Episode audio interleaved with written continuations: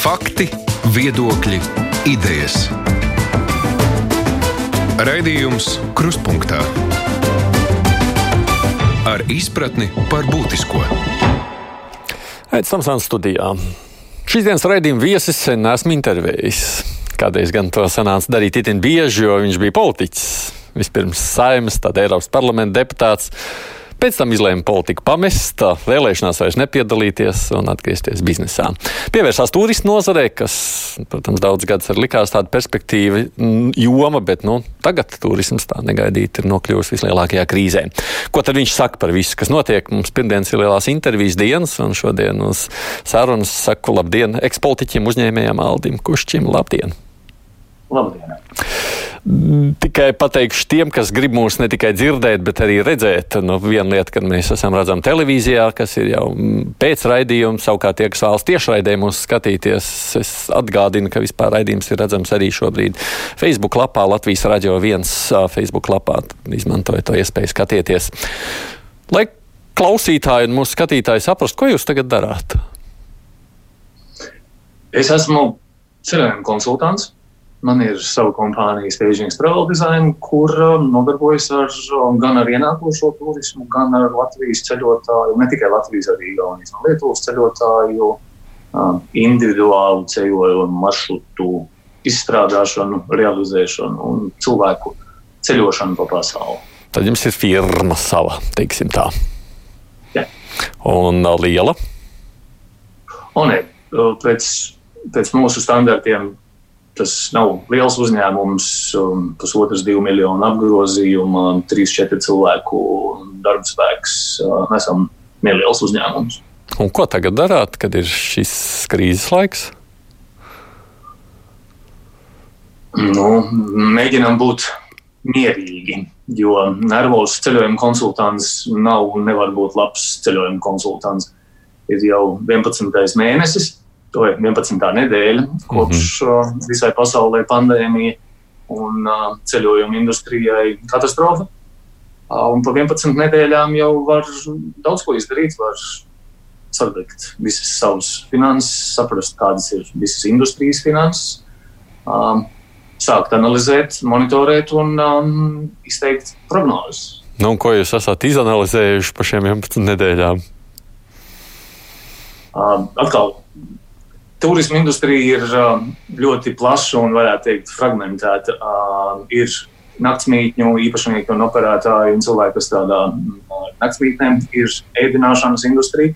Un tad ir ceļojuma uh, konsultantu, aģentu un operatoru industrija, kurā ietilpst uh, aģentūras, kuras nodarbojas gan ar Latvijas ceļotāju sūtīšanu pa visu pasauli, vai visas pasaules ceļotāju vešanu uz Latviju uz Latviju, Igauniju un Lietuvu manā gadījumā. Un, uh, katram šim darbam ir uh, savs cikliskums un uh, sava specifika, bet 11 uh, nedēļas, gan viens, gan otrs virziens ir pilnībā apstājies.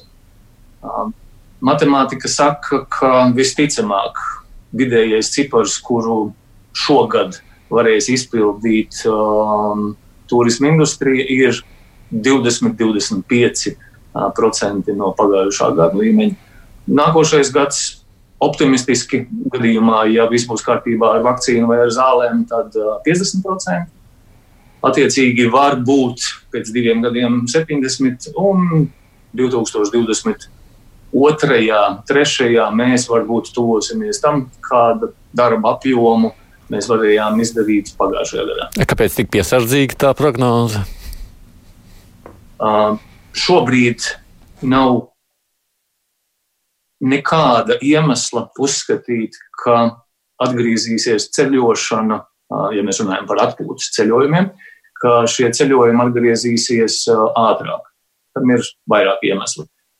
Pirmais, tātad, ja mēs runājam par ienākošo plūsmu, tad šovasar ārzemju ceļotāji Latvijā būs labi, ja 10% no iepriekšējā daudzuma. Um, ziema vienmēr ir bijusi tukšs periods, un es domāju, ka nekas principiāli savādāks nebūs arī šogad. Nākošajā gadā cilvēku biznesa ceļojumi varētu būt mazāki nekā iepriekšējos periodos. Visiem ir pierādījums par to, ka Zoomā var ne tikai radio intervijas, bet arī biznesu darīt. Konferencēm, protams, visi varbūt tās ir nogribējušies, bet iekšējā cilvēku drošības sajūta neatgriežas pēc šādām katastrofām pietiekoši ātri. Parīzē bumba, trīs mēneši, un Parīze ir atkal kārtībā. Reģionāls um, katastrofas iemesls, ebola vai SARS Hongkongā, pusgads un atjaunojas praktiski simtprocentīgi. Šādas lielākas un visas pasaules katastrofas prasa gadus un gadus. Un cilvēkiem jau nebūs naudas tikpat daudz, kā viņiem bija vakar. Nu, tajā pašā laikā mēs jau sakām, ka mums kaut kas tāds vēl nav pieredzēts. Nu, droši vien arī, ka vispār nav pieredzēts. Līdz ar to viss tās prognozes ir būvētas uz kaut kādiem pieņēmumiem, vai ne tā? Es, es, es uzskatu, ka manas prognozes ir diezgan optimistiskas, lai, posim, lai, lai pozitīvas tādā ziņā, ka mm, mūsu zināšanas cilvēkiem vienmēr būs vajadzīgas. Cilvēki vienmēr ceļos, un viņi vienmēr izmantos profesionāļu palīdzību. Un varētu pat teikt, ka pēc šīs katastrofas, marta notikumiem, kad cilvēki bija iestrēguši pa visu pasauli, tad ceļojuma konsultanta loma tikai ir kļuvusi stabilāka un nozīmīga. Lai mēs vispār saprastu, ko nozīmē ceļojuma konsultants, varbūt ir vērts mazliet vairāk izskaidrot. Mēs zinām, nu, kas palīdz atvest vai aizvest, bet ko dara ceļojuma konsultants? Um, ļoti plašs iespēju lokus, protams. Uh, ir gan ceļojuma aģenti, ceļojuma konsultanti, ceļojuma dizaineri, bet visā tajā uh, spektrā mēs strādājam, lai sagatavotu cilvēkam nepieciešamo ceļojumu, lai sagatavotu cilvēku šim ceļojumam, lai nodrošinātu šī ceļojuma daudz punktu vai nu, vienmēr ir daudz punktu. Tā ir lidosta, tas ir transports, tas ir lidostas, lidmašīnas, viesnīcas, transferi, gidi, tulki. Katrā ziņā katrs ceļojums sastāv no ļoti daudziem desmitiem punktu. Tātad šī ceļojuma laikā tiek nodrošināta laba ceļojuma norise. Un atgriežoties atpakaļ, mēs runājam ar cilvēku, lai saprastu, kas bija tas, kas ir iespējams vēl uzlabot nākošajam ceļojumam. Jā, no, un, no to pap, jā, ja drīkst es tā precizēšanai, jau to pamatu funkcijas jau nodrošina tās pašas turisma firmas vai turisma aģentūras, nu, kuras jau, nu, tā kā to. Kurā strādā ceļojuma konsultanti. Kurā strādā. Tas nozīmē, ka, nu, tā tad firma iekš firmas apmēram tā. Nu, ceļojuma konsultants ir uh, tas pats, kas jūsu uh, privāts advokāts, tas pats, kas jūsu privāts dakteris, ģimenes ārsts. Mūsu zināšanas ir um, daudz plašākas nekā tikai norezervēt biļeti vai panākt to, lai cilvēks nokļūst atpakaļ mājās paredzētajā laikā vai pirms tam. Es gribu zināt, kādas pēc pajautāt, ir privāti.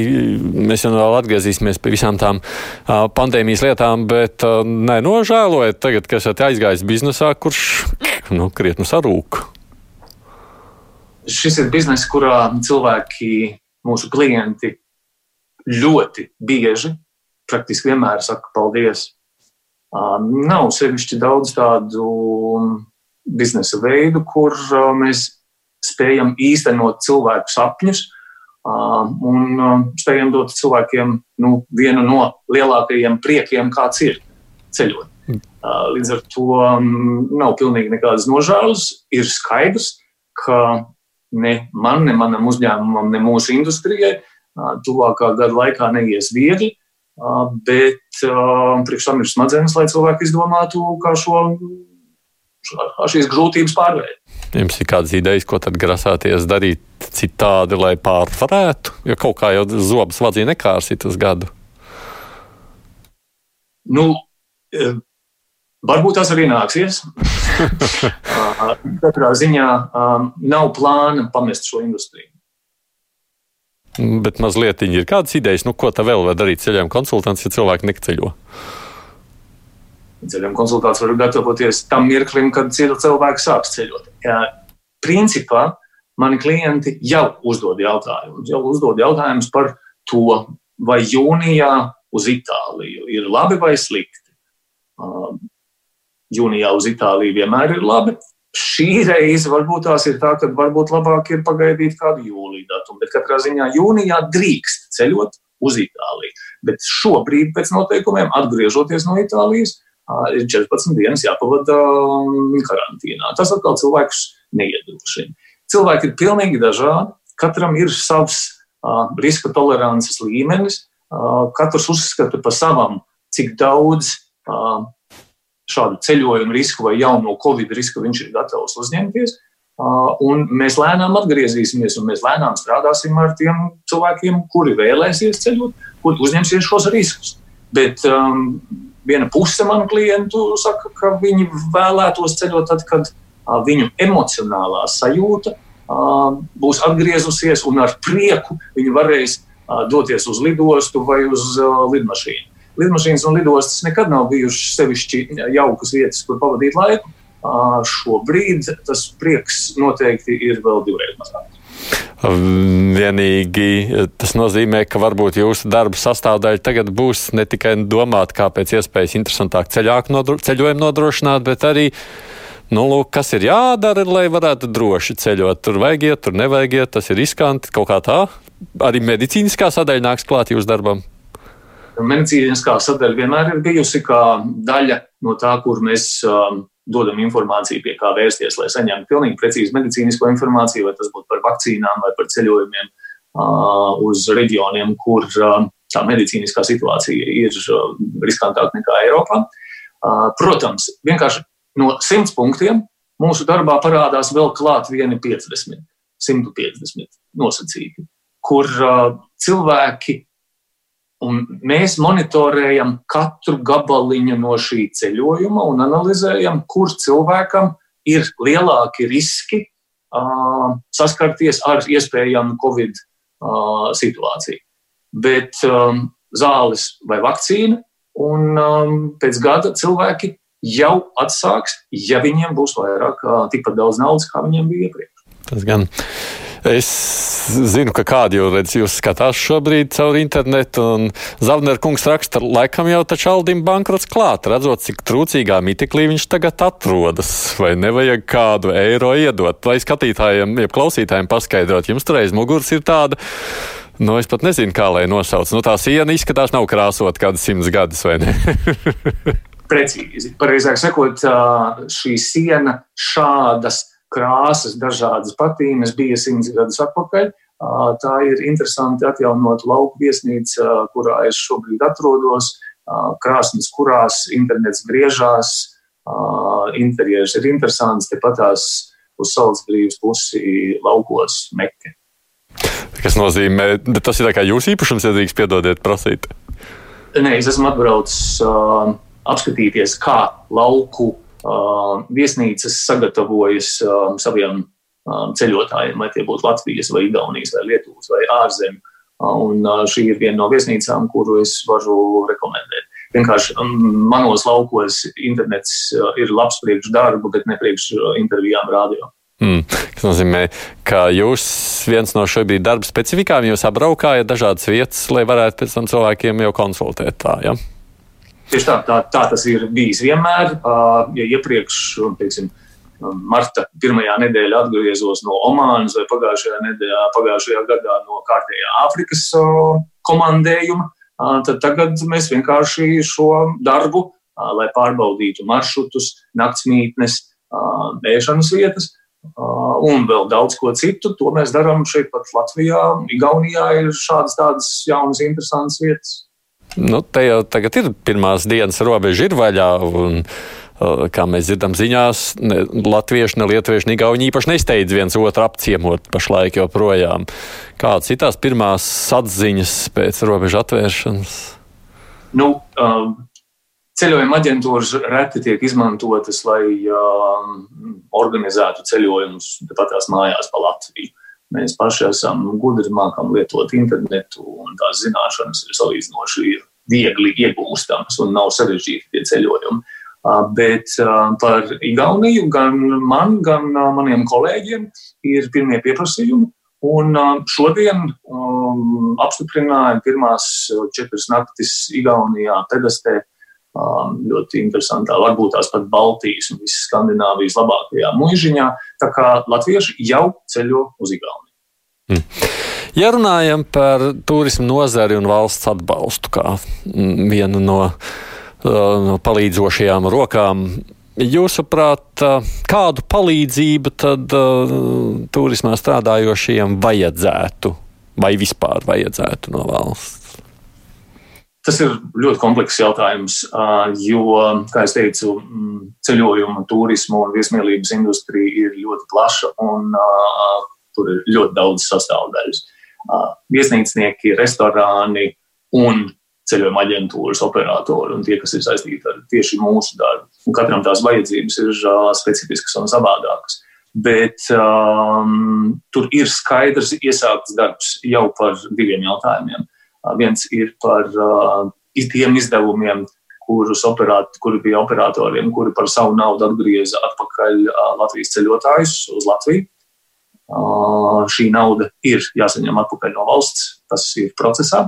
Otra tēma ir voucheri cilvēkiem, kuri atcēla vai bija spiesti atcelt ceļojumus no operatoriem, un šīs naudas atgriešana ir saistīta ar ļoti garu ķēdi, kas ir pa visu pasauli.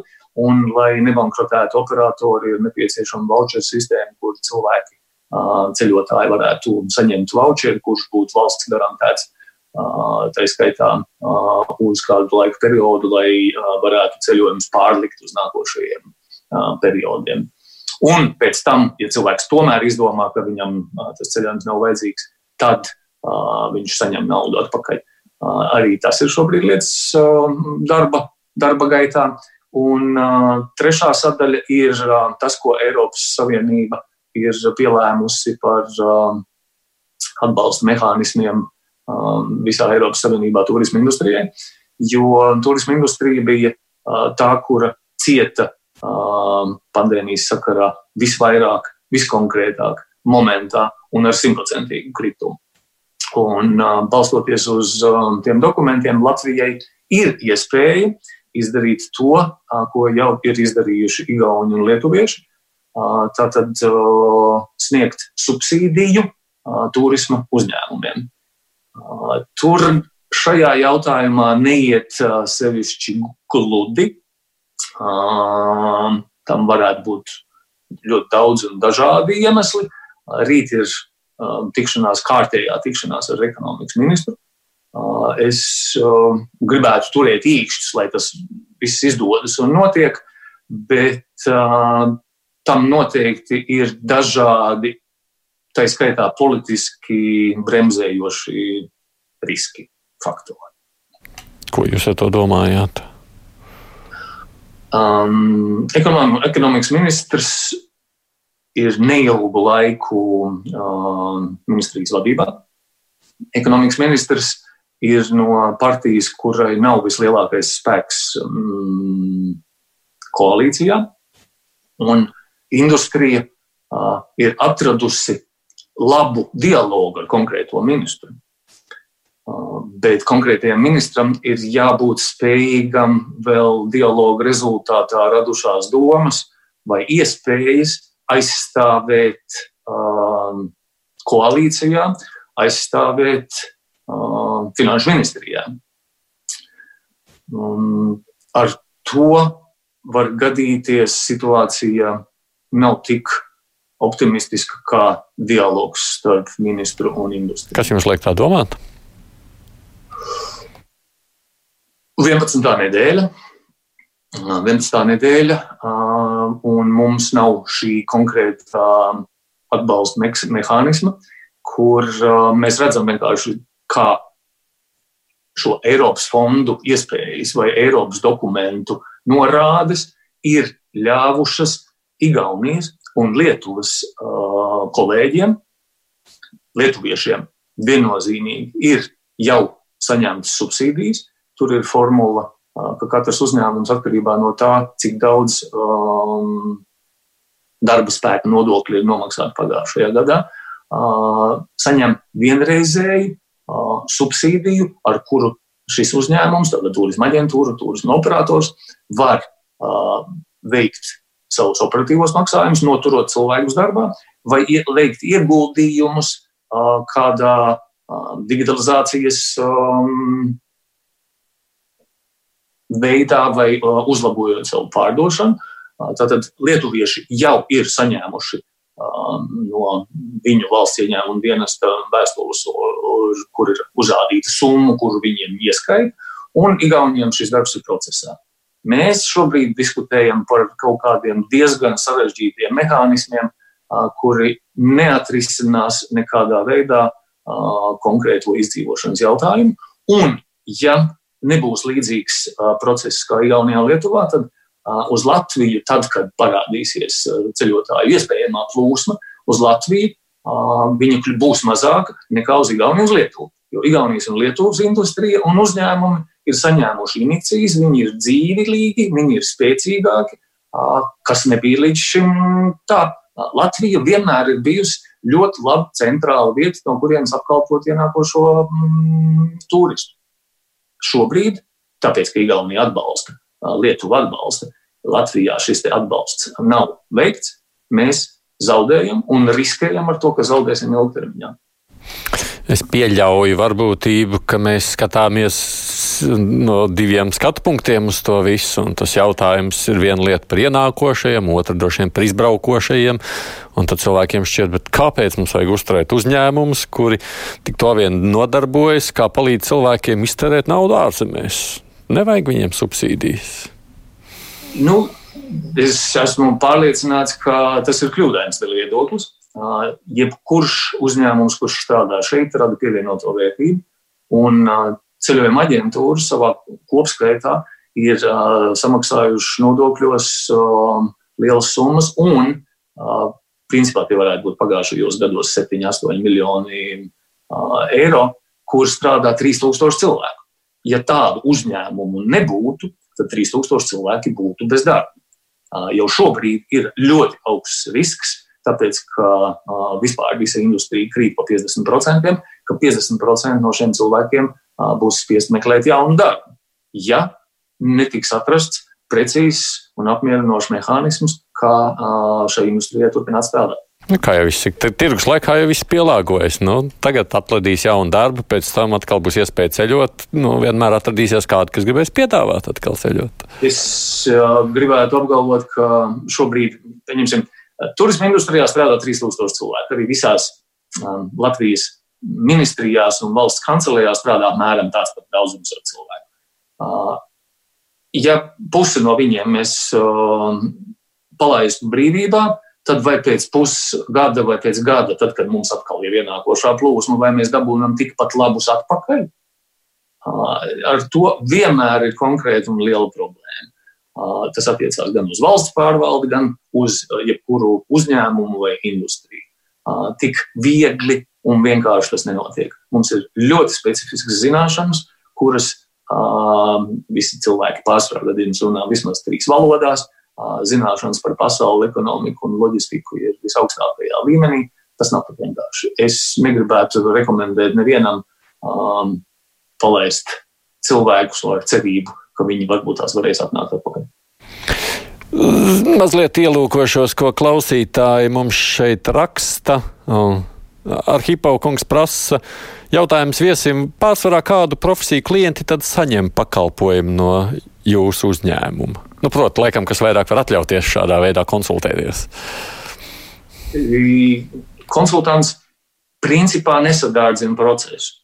Konsultants uzlabo produktu uzlabo pakalpojumu. Līdz ar to par profesijām es neredzētu nekādu principiālu limitāciju. Principā jautājums ir par to, kuri cilvēki ceļo. Ir turisma aģentūras, kuras nodrošina ceļojumus studentiem. Ir ceļojuma aģentūras, kas nodrošina ceļojumus grupu turistiem. Ir ceļojuma aģentūras, kas nodrošina atpūtas ceļojumus. Ir, ir visdažādākās aģentūras, dažādiem cenu un līmeņiem profesijai tur nav principiāls nozīmes. Tur ir nozīmē vēlmei ceļot un iepazīt pasauli. Ko nozīmē nepadārziņa? Jūs jau par velti nestrādājat. Kāds viņš maksā par to tā, tā ceļotājs? Lielā mērā mūsu pakalpojumu apmaksā tās pasaules viesnīcas, naktsmītnes un, un vietas, kuras maksā mums komisijas. Nu, tā, tā, Mēs saņemam komisijas par savu darbu. Nu, proti, netieši jūs, jo beig beigās jau pie viesnīcām mēs maksājam tajā brīdī, kad es pērku vai rezervēju vietu. Jā, tā. principā ļoti bieži, ja jūs pērkat viesnīcu pa 100 eiro no pataisno no viesnīcas, tad tikpat labi jūs no pa 100 mm. eiro vai pat dažreiz lētāk varat nopirkt arī no ceļiem aģentūras. Gaitnieka kungs savukārt raksta šādi.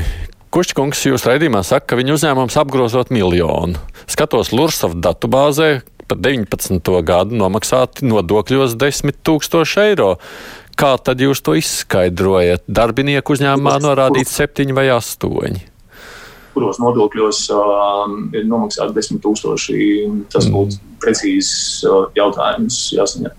Jā, nezinu. Viens miljons apgrozījuma uh, turismu, turismu biznesā, viens miljons apgrozījuma ir uh, nevis mans ieņēmums, bet apgrozījums. Mm. Labi, komentārs. Sakrājām naudu, nopirkām ceļojumu pa Spāniju septembra vidū. Būs mums iespēja ceļot vai nē? Redz, jau, jau prasa, prasa konkrēti. Es gribētu būt optimists un uzskatu, ka Spānija būs atvērta jau uh, pirms septembra. Mm. Vismaz Maljorka un uh, dažas salas uh, plāno atvērties jūnija beigās, jūlijā noteikti. Es atgādinu, šeit mums ir saruna tāda lielā intervija ar Aldi Kušķi, kurš ir ekspolitiķis, tagad uzņēmējs turismu jomā, no ceļojuma konsultants, kā jūs dzirdat. Raidījums Krustpunktā. Vēl mazliet tikai pieminot šo turismu sadaļu, jūs sakāt, ja vispār daudz rakstāt pēdējā laikā tieši par šo postpandēmijas ceļošanu. Kāda tad tā būs?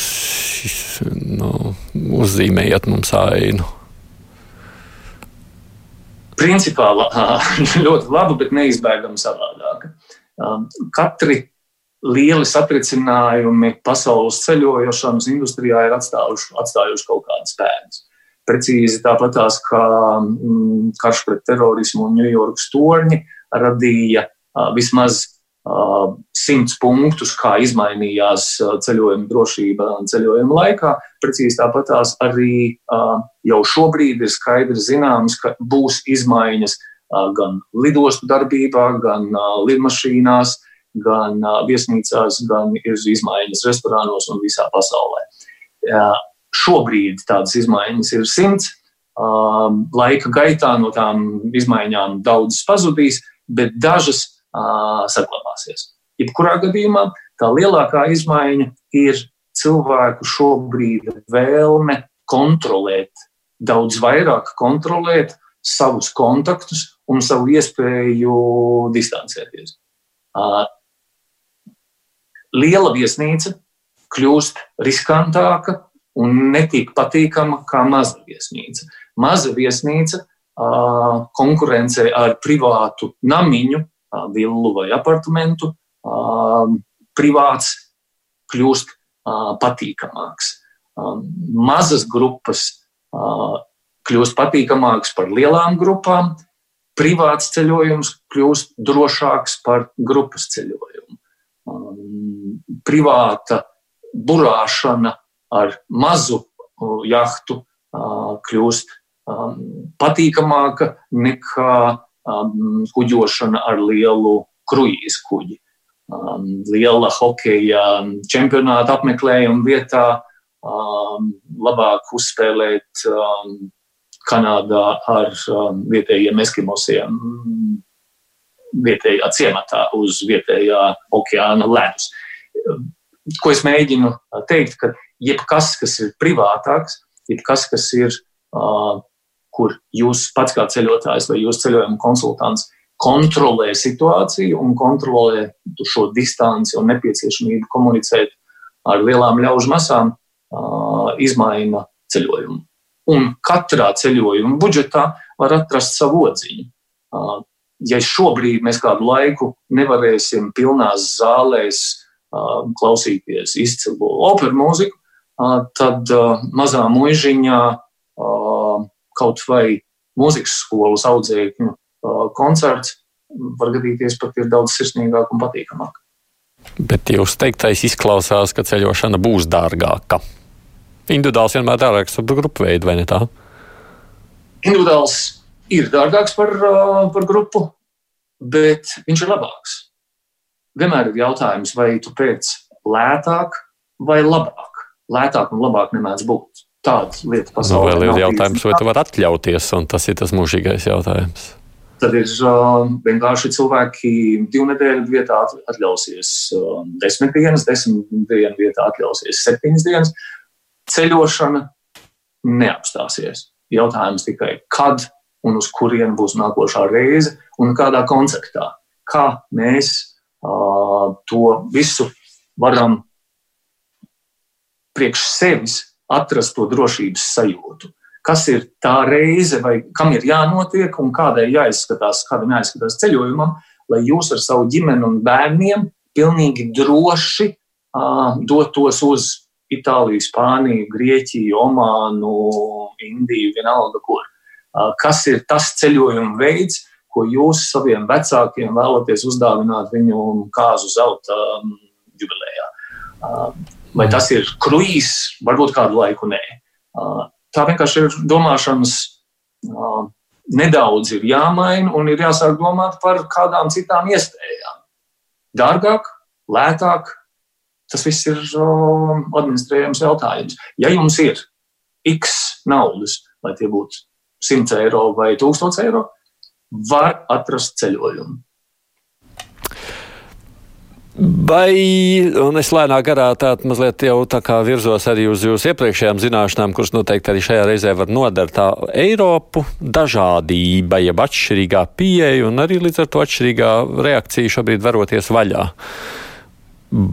Vai vajadzētu, jūsuprāt, vai labāk būtu bijis, ja tas būtu koordinētāks process visas Eiropas līmenī, vai arī mm, tā kā tas ir šobrīd, ka katra valsts būtībā lemj savu?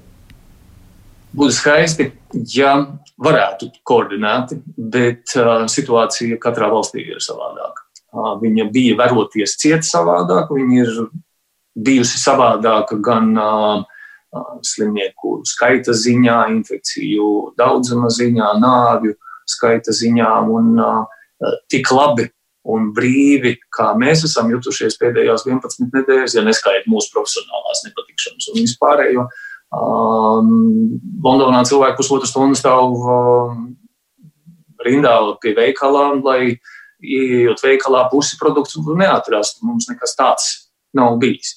Uh, līdz ar to situācija katrā valstī ir savādāka. Un es šeit nevēlētos pārmest uh, nevienam par koordinētas vai uh, atvēršanās metodes trūkumu. Uh, viņš ir labs. Nevajag Latvijai atvērties tad pat un tāpat, kā to dara um, Spānija vai Itālija. Tas nozīmē, sacīt, ka uh, notikušais, ja pandēmija ir atklājusi Eiropas vājumu, šai domai nepiekrītat? Eiropa ir tik spēcīga, cik viņa ir vienmēr bijusi, vai vājas. Tas jau viss atkarīgs no jūsu politiskiem uzskatiem vai idejas.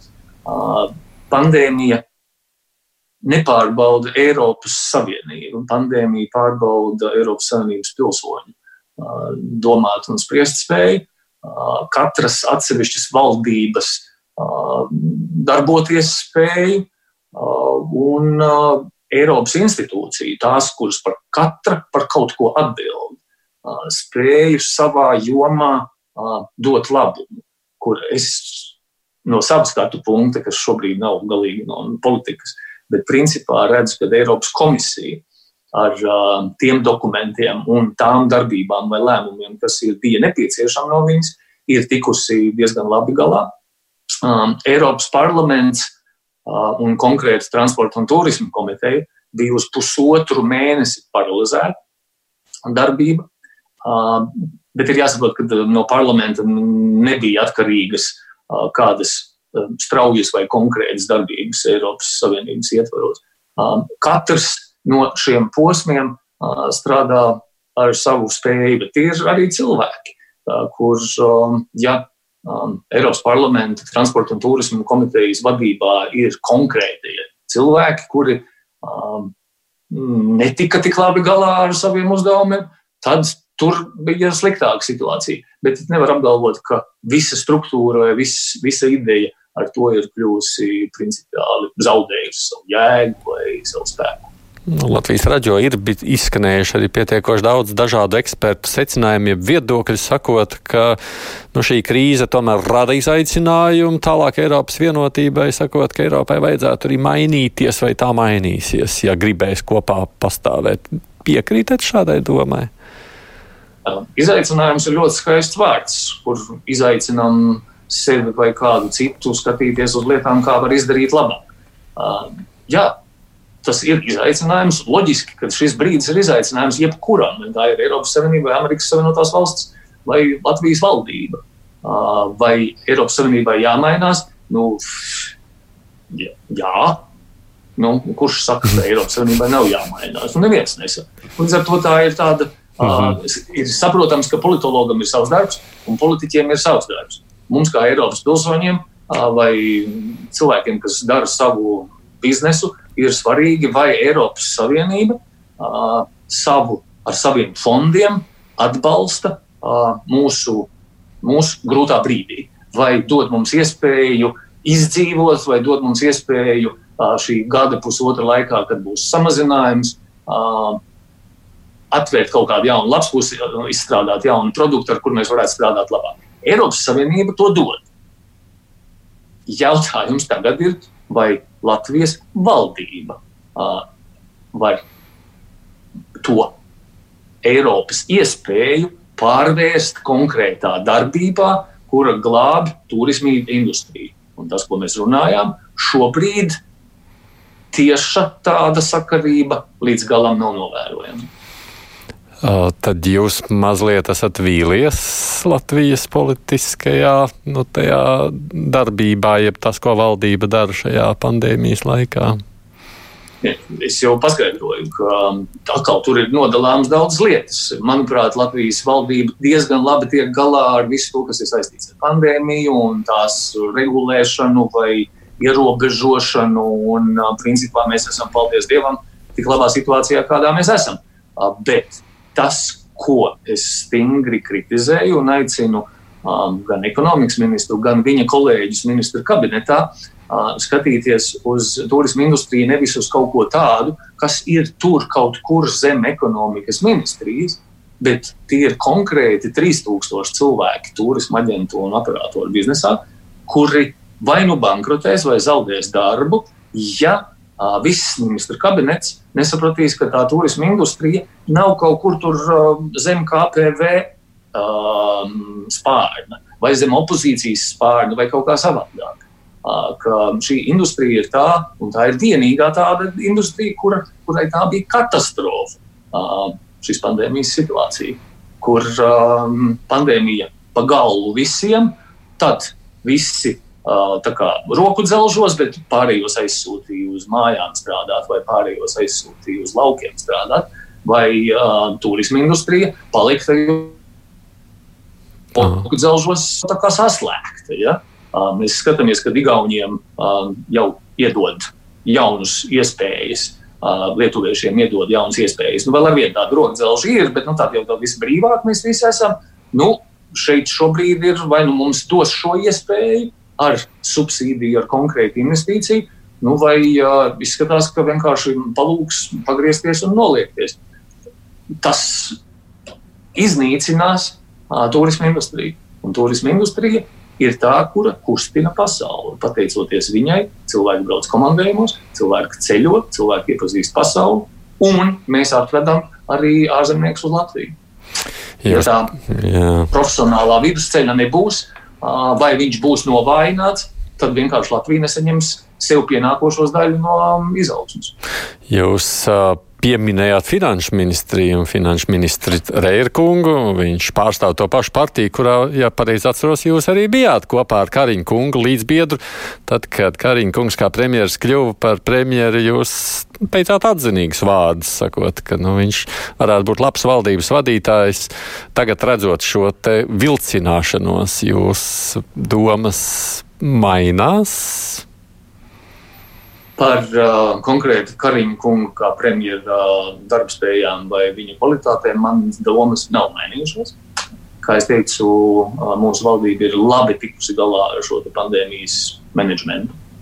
Tagad ir jautājums par nākošo soli, kas ir ekonomikas atjaunošanas solis. Un tad ir vairākas atbildības slāņi. Ekonomikas ministrija, finanšu ministrija, premjeras. Nu, Mēs ceram, ka viss šis slānis strādās kopā. Šobrīd mēs to neredzam.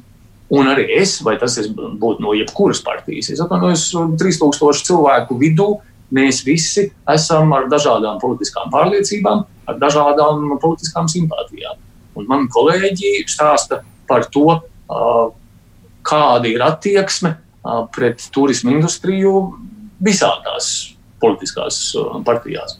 Uh, bet, ja koalīcija uh, pieņems savus lēmumus vai liekas atbalstu turismu industrijai, tāpēc, ka turismu industrija ir zem ekonomikas ministrijas, zem ministra, kurš ir nesen sācis strādāt, un zem partijas, kura ir tāda, kāda viņš šobrīd uh, ar savu spēku ir, tad tā būs liela kļūda, ja šis atbalsts netiks atrasts. Mm. Vai uh, iznāk sakot līdzi vispār politikai savā tādā ikdienā? Interesēja joprojām. Cits jau saka, ka no politikas grūti aiziet. Principā aiziet jau ir. jā, jā. Mēs visi gribējam uh, nu, to mēdīju vidi. Un uh, ar politiku ir tā, ka vai nu tu tiešām aktīvies iekšā, vai nu, paliec savā nezinu, virtuves diskusijas līmenī. Jā, līdz ar to es negribētu virtuves diskusijas līmeni pārnest uz Latvijas radio ēteru. Manas zināšanas šobrīd nav profesionāls, lai gan kaut kādu komunikāciju uztur ar saviem bijušajiem kolēģiem no Eiropas parlamenta vai no jaunā laika. Laikiem. Bet nav tiešām tā cilvēciska zinkārība. Kādreiz domā prātā, hm, varbūt tomēr vajadzēja vēl pamēģināt, palikt, turpināt darboties arī politikā. Um, visu mūžu esmu strādājis um, uzņēmējdarbībā, un man ir pašam savu filozofiju par to, ka būtu labi, ja visi Latvijas pilsoņi uh, savos 30, 40 gados uh, uz vairākiem gadiem uh, nonāktu valsts vai pašvaldību vai um, pārvaldē vai politikā, uh, kas, uh, teiksim tā, savu sabiedrisko darba servisu. Public service ir tāds angļu termins, kur ja cilvēki divus, četrus, piecus gadus, vienu termiņu, četrus ievēlētos gadus nostrādātu saimā vai domē vai pašvaldībā, viņu saprašana par to, kā strādā valsts, palielinātos, protams, un automātiski palīdzētu, tad, kad viņi atgriežas atpakaļ reālajā dzīvē, uh, viņiem tālāk uh, turpināt saprast, kas notiekās vispār valstī un kā, kā šī valsts funkcionē. Uh, mans, mans funkcijas bija, es savu esmu nodienējis, un septiņi gadi, kas bija mans politiskais laiks, ir tuvu pie maksimālā vai nu tad uh, ej riktīgi profesionāli un uz mūžu, un, un visu laiku politikā, vai atgriezies um, privātajā biznesā. Um, mans ceļš bija lemts, un es pieņēmu šo lēmumu. Un ar prieku, un interesantā industrijā, ceļojuma industrijā. Gaitnieks kungs ir precizējis to savu jautājumu par tiem no, nomaksātiem nodokļiem. Viņš rakstā tādā mājaslapā, ir norādīts septiņi darbinieki, bet iedzīvotāja ienākuma nodoklis par 19. gadu samaksātu 5000 eiro. Kā to saprast? Man nav saprotams, um, no kurienes ir uh, skaitlis 5000 eiro. No labi, droši vien, ka derētu šo tematu paturpināt ārpus ētera. Jautāju... Jā, man, es esmu Facebookā, mans uzņēmums ir Facebookā, es ļoti laipni lūgtu. Jums ir gan, ja runājam vispār par jums, jums vispār ir savu mājaslapu, kurā nekas nenotiek, vai ne? Nu, mājaslapā ir vienkārši vēstures uzskaitījums par to, ko es uh, esmu līdz šim darījis un ko es šobrīd daru. Uh, cilvēki šobrīd veiksmīgi tiek galā uh, Facebookā, un, protams, manam uzņēmumam ir mājaslapa. Bet uh, īstenībā tas bija ļoti labs jautājums par mājaslapām, kur uh, par tēmu, cik veiksmīgi mēs kā Latvija tiekam galā. Um, piemēram, visiem ir ļoti daudz dažādi darbi, bet, piemēram, mūsu centrālā Latvijas mājaslapa turismam Latvija.travel, kad viņu atver, viena no bildēm, kas tur fonā griežās, ir ar vairākiem tūkstošiem cilvēku. Tad ir um, Sigulda Town Festival 30. maija ar kādu 2000 cilvēku. Uh, un tad ir trešais notikums, ir, vai ceturtais notikums, ir Riga Jūrmala Music Festival. Uh, 10. un 30. jūlijas. Um, Rīga Jūrmala mūzikas festivāls ir atcelts. Un um, mūsu, māja, mūsu Latvijas turisma mājaslapas uzturētāji principā um, nav padomājuši par to, kādā pasaulē mēs šobrīd dzīvojam. Bet es tagad vaļu, vaļā lapu www.kuskis.lv. Aldis Kušs, jūs nu, jā, tur neko izņemot to, kā jūsu bilde. Un uzrakstus neko neredzu. Tad es redzu tikai jā, tālāk, savukārt norādes jau uz tālāko lapu. Jūs tur pats neko pašā lapā tālāk īpaši neuzturat. Jā. Nē, tādā veidā mm -hmm. tāda bloga nav, bet uh, manās profesionālajās mājaslapā, kas ir stagings.com mm -hmm. vai arī Facebookā, uh, uztur komunikāciju ar cilvēkiem, tā kā tas šobrīd ir uh, daudz gan ir labi pieņemts. Bet tur ir labs, uh, tajā jūsu lapā, privātajā, tikai viens skaists moto - I believe in freedoms, tātad es ticu brīvībām. Un, un, Tagad tas jautājums aktuāls. Individu vai visas sabiedrības brīvība? Kam ir prioritāte jūsuprāt?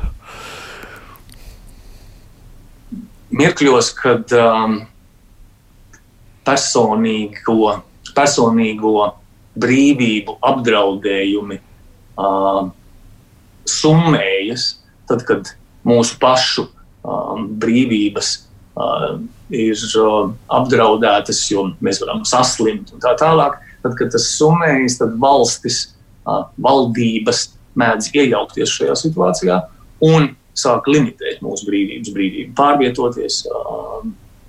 Nu, tā bija nu, teiksim, šajā gadījumā, tā, tā ir tā pirmā brīvība.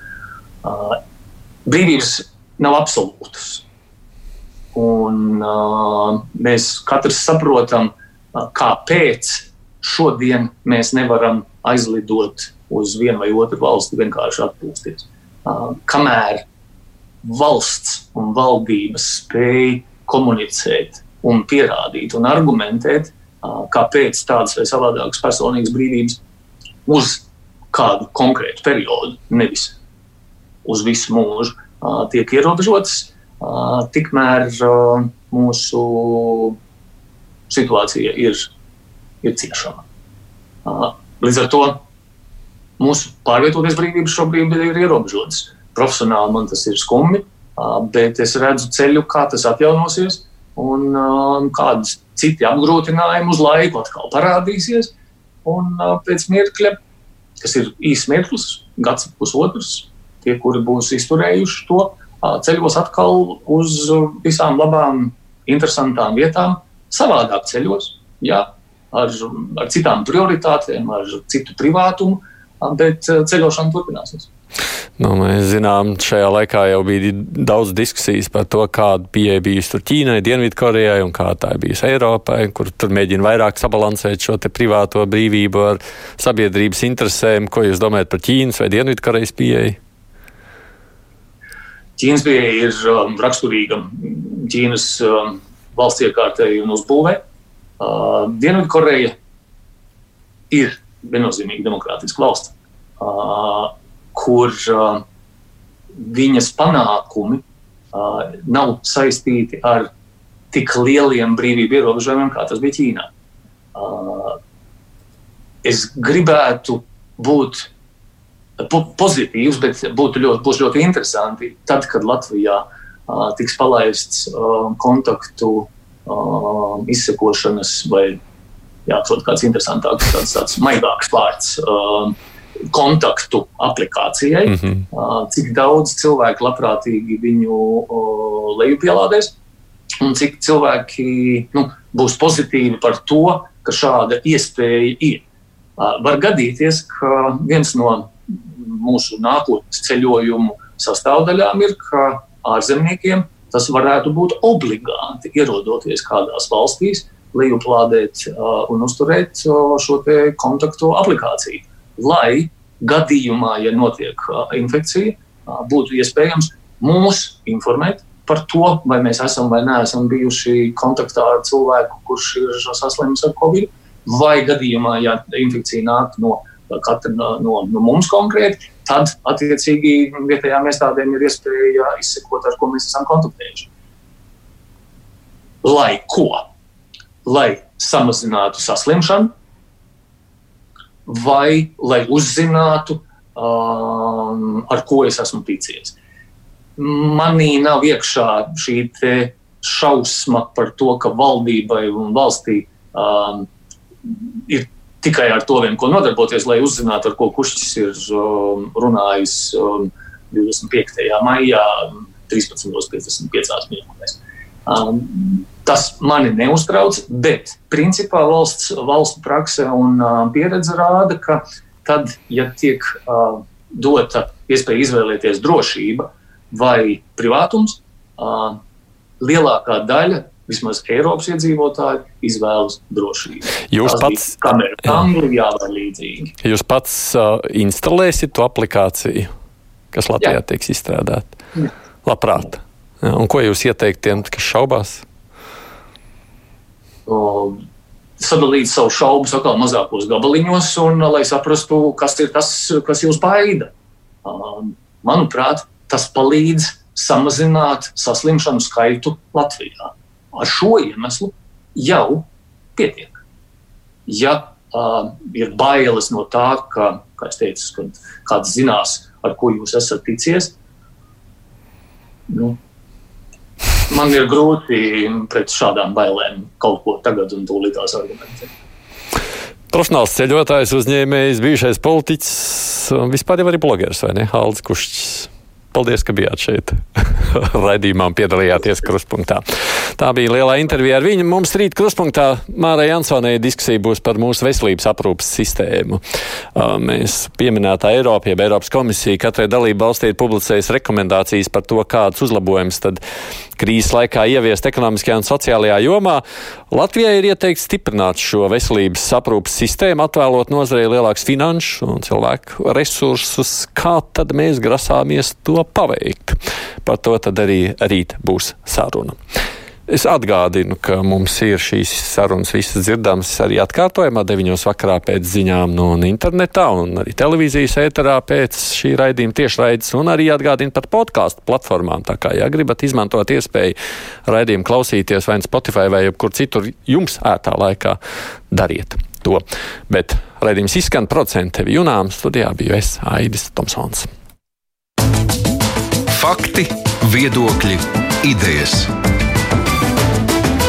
Raidījums Kruspunkta ar izpratni par būtisko.